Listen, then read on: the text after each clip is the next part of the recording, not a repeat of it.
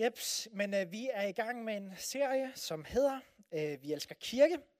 Og øh, det er i dag den sidste tale i rækken øh, med den her fantastiske titel, Kirke som skole. Og det lyder bare rigtig fedt, kan jeg godt fortælle jer.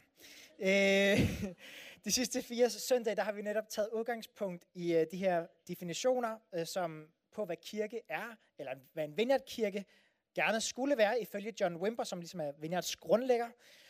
Og øh, det er nemlig kirke som familie, som hospital, som en her og som en skole. Det er sådan nogle idealer, som vi stræber efter at være.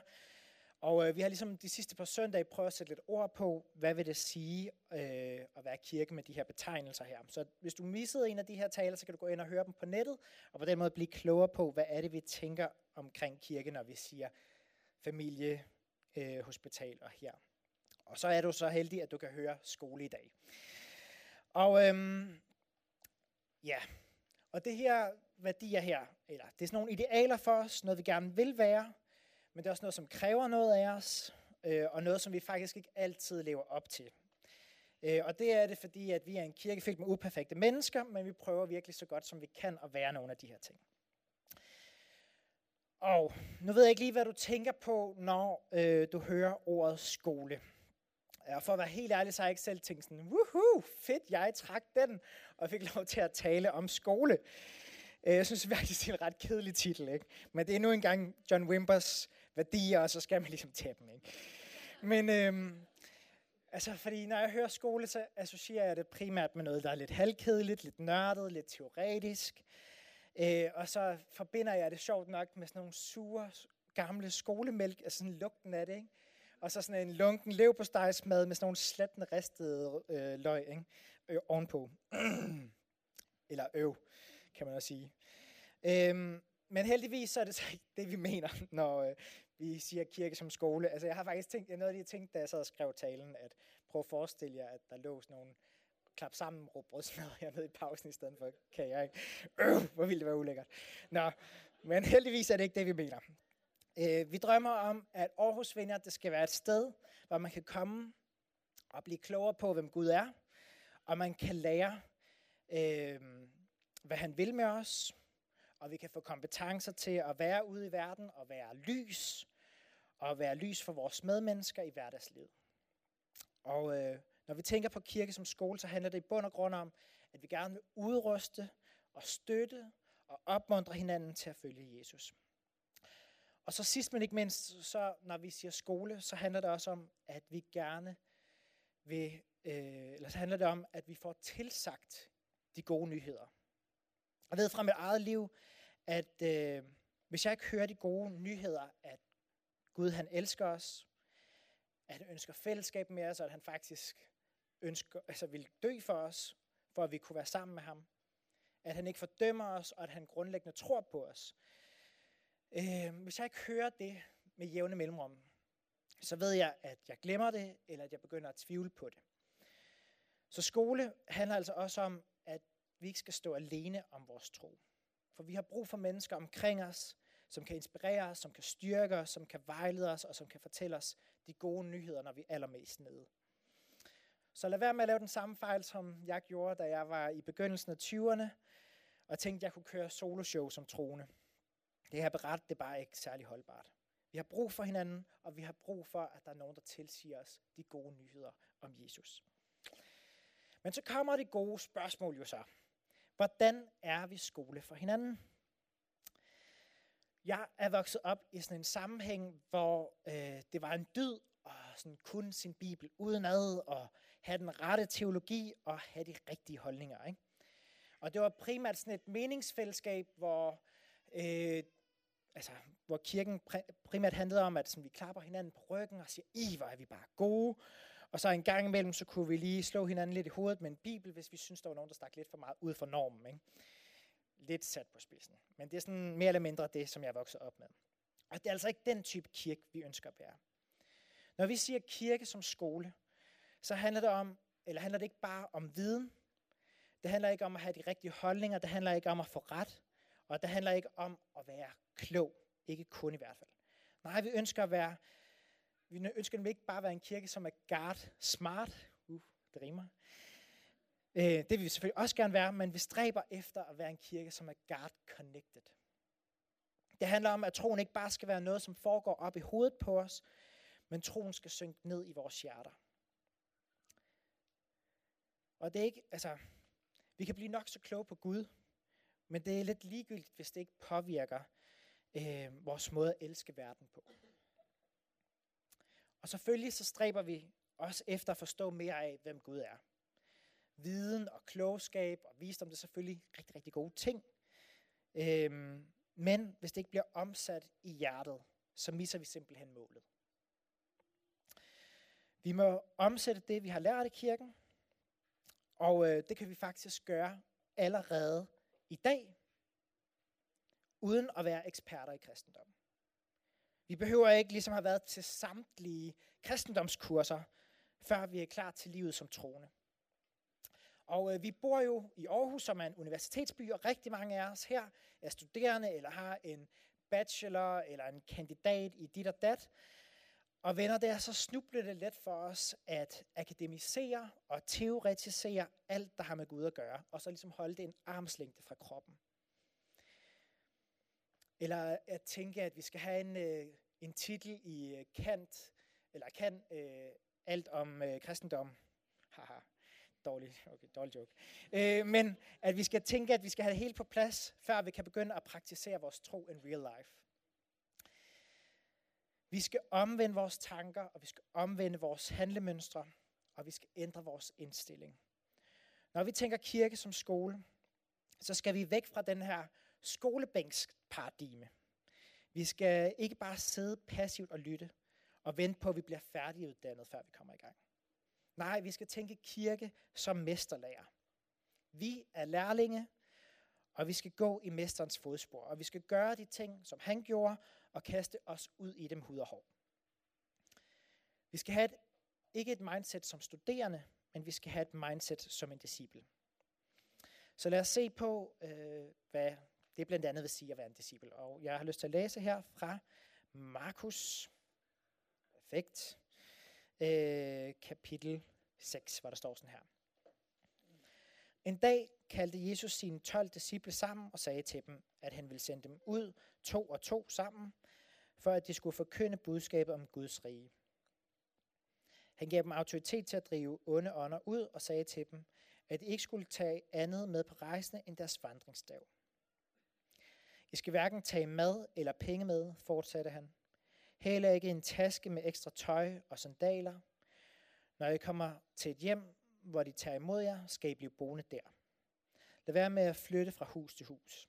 Hvis ingen vil invitere jer indenfor eller høre på jer, så forlad den by og ryst støvet af jeres fødder, som tegn på, at fra nu af øh, er de overladt til deres egen skæbne. Så tog disciplene sted, og overalt, øh, hvor de kom frem, forkyndte de, at, øh, forkyndte de, at folk skulle ændre deres indstilling og tro på Jesus.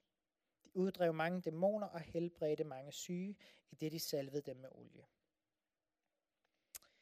Så disciplene her, de er altså sendt ud til forskellige landsbyer, hvor de fortæller om Guds rige i både ord og i handling. Og øh, disciplene, de øh, fulgt, havde ligesom fulgt Jesus i nogen tid, og de havde ligesom set ham in action. Og nu siger han så til dem, at nu er det deres tur til at prøve. Bare gør det, som I har set mig gøre. I skal nok klare den. Pøj, pøj, drengen. Og øhm, altså, han, tager ikke, øh, han tager faktisk ikke med dem, så de er faktisk tvunget til at stå på deres egne ben. De er tvunget til ligesom at prøve sig frem. De har ikke ligesom en livline, hvor de lige kan ringe til Jesus, hvis der skulle opstå problemer. Øh, de må ligesom bare prøve så godt, som de nu kan. Og det her med at være Jesu disciple, det er bare alt andet end kedeligt. Faktisk så er det en lille smule angstprovokerende. Og jeg tror ikke, at disciplen de har følt sig specielt klar til det. Og de har nok tænkt, Åh, kan jeg klare mosten? Er jeg god nok? Og hvad gør jeg, hvis der lige opstår problemer? Og hvis jeg var i disciplinens sko, så ville jeg nok tænke i sådan alle mulige katastrofescenarier. Ikke? Jeg vil gå med livrem og seler, men så er det der, at Jesus han siger, øh, det skal I faktisk ikke. I skal ikke tage nogen penge med, I skal ikke tage nogen taske med, I skal ikke tage nogen ekstra sko med. Bare stol på, at Gud han nok skal sørge for jer. Rimelig frisk udmelding af Jesus der, ikke? Så med Jesus, så er det lidt et andet game, end det vi er vant til. Vi kan så hurtigt tænke, uha, jeg er vist totalt underkvalificeret til det her med at være en disciple. Men Jesus siger, hey, vent, du er klar. Det kan du godt. Du er god nok. Kom så i gang, Marker. Det er din tur til at prøve. Hvis du har smagt min godhed, og hvis du har mærket min kærlighed, så er du klar til at give det videre. Du er klar til at give det videre, som du selv har fået. Og folkens, det her, at det her disciple mindset må, øh, må også ligesom kick ind. Det er okay at fejle. Det vigtigste er, at vi prøver. Vær nysgerrig. Gå på opdagelse. Lav fejl. Disciplen, de lavede så ofte fejl. Men de fik ikke Jesus til at skifte, altså de blev ikke skiftet ud af Jesus, vel? Han, han blev ved med at satse på dem, investere i dem, tro på dem. Og jeg har, der er sådan en sætning, som jeg kan ikke huske, om jeg har sagt den her, men det er sådan en sætning, jeg virkelig har taget til mig.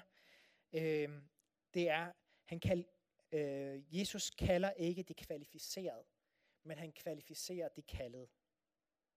Han kalder ikke de kvalificerede, men han kvalificerer de kaldede. Og vi er alle sammen kaldet venner, og du skal nok blive kvalificeret til det.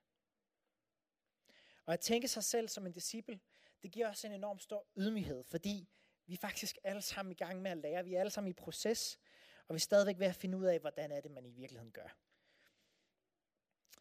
Det er lidt det samme som, hvis man er en tømmer, og skal bygge noget i træ, så bliver man nødt til at øve sig. Ikke? Og man vil unægteligt lave fejl, man vil måle forkert, man vil save sig selv i fingeren osv. Man skal alt det igennem for ligesom at blive en dygtig tømmer.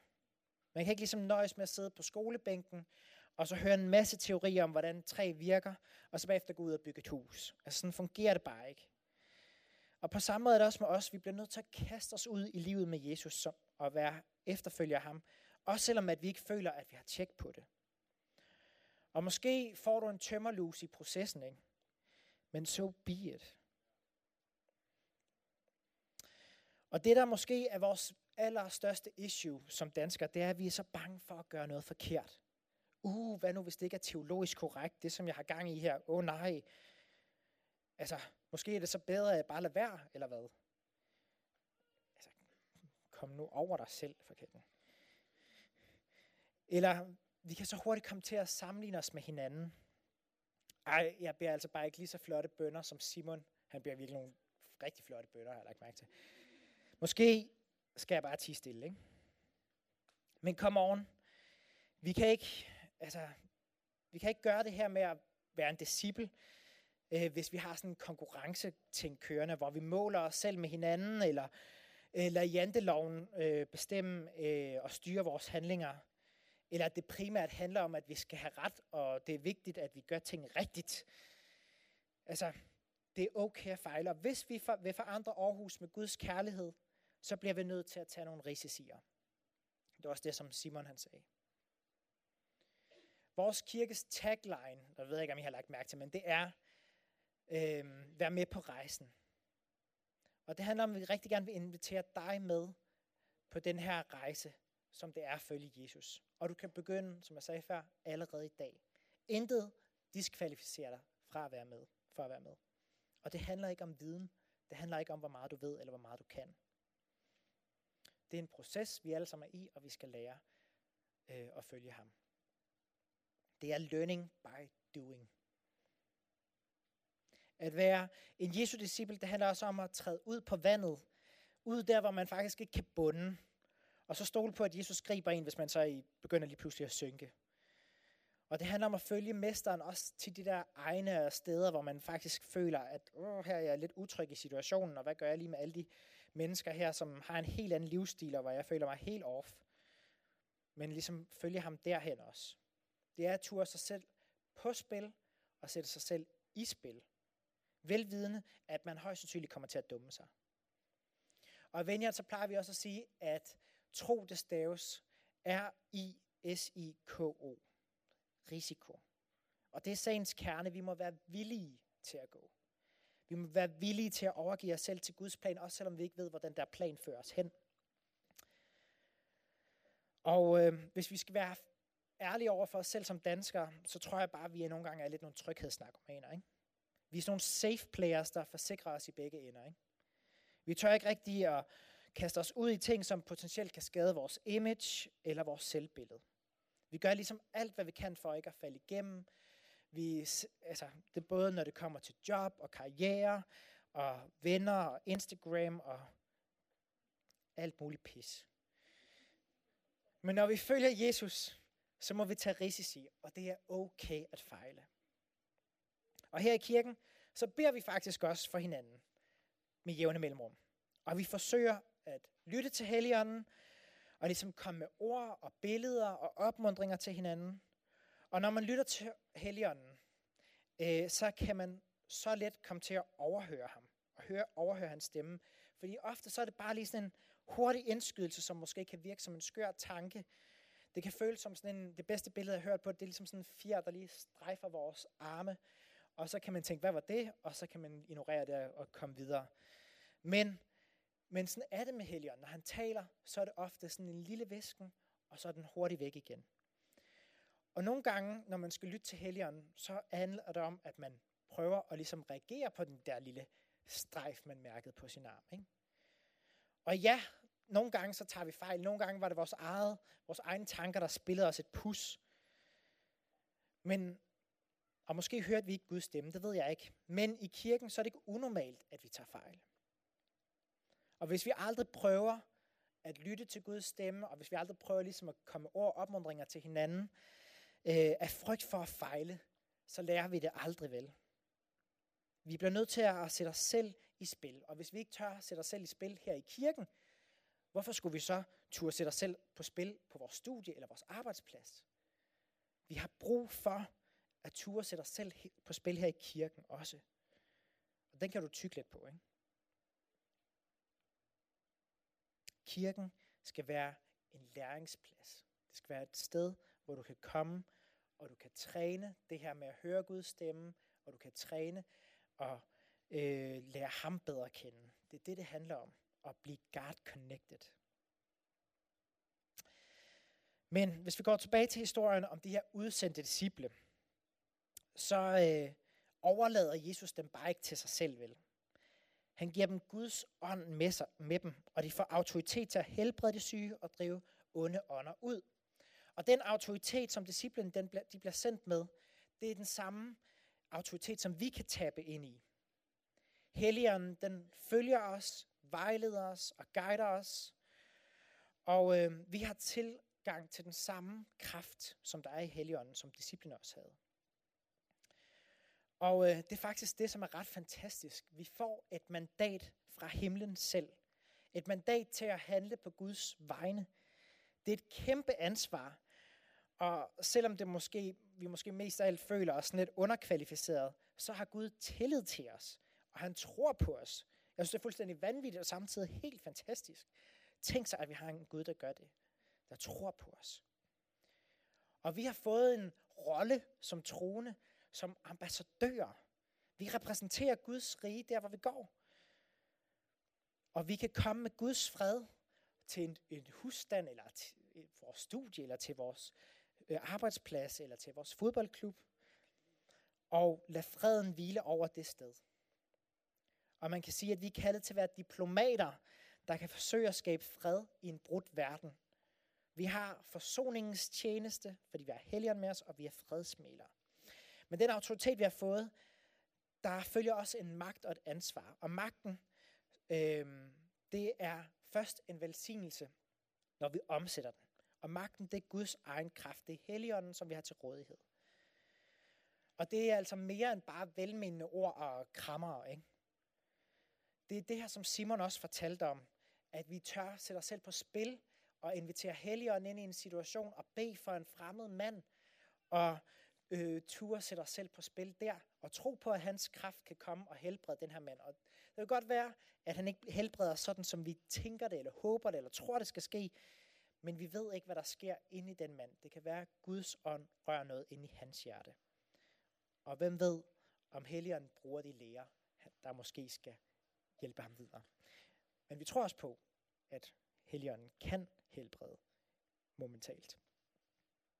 Så lad os ikke holde os tilbage og lade være Og lad os gå ud og være disciple, og lad os være villige til at gå i Jesu fodspor og bruge det mandat, vi har fået givet. Og lad os turde omsætte det, som vi har fået givet. Ja. Yes. Og så en sidste lille krølle, eller kan man sige en tanke, som jeg bare lige vil have med her. Det er, øhm, inden jeg slutter helt af, det er, at jeg også lige har lyst til at sige, at det her med at øh, være Jesu disciple, det handler selvfølgelig ikke kun om at gøre en hel masse. Jeg har en tendens til at være ret aktivistisk. og, øh, og derfor så, øh, og det kan også være meget fint. Men øh, det her med at være Jesu disciple, det handler altså også om noget, nogle gange bare noget så banalt som at være tæt på Jesus. Og nogle gange så kan vi godt føle os udmattet, udmattet og udkørte. Og så det her med at være sendt ud, det er måske ikke lige det, vi har brug for. Og det siger Jesus, det er også okay. Kom her og sid ved mine fødder og bare vær her og modtag min kærlighed. Så hvis du ligesom oplevede et pres herfra, så vil jeg bare sige, det, du skal ikke føle noget pres. Det er også bare så okay at være og modtage hans nærvær og suge til, af hans, øh, suge til dig af hans kærlighed. Men jeg tror også, han kalder os til at træde ud, også selvom vi ikke, også, øh, selvom vi ikke altid føler os klar. Så her til sidst, har I så ikke lige lyst til at rejse jer op? Og så, øh, og så skal vi lige bede sammen.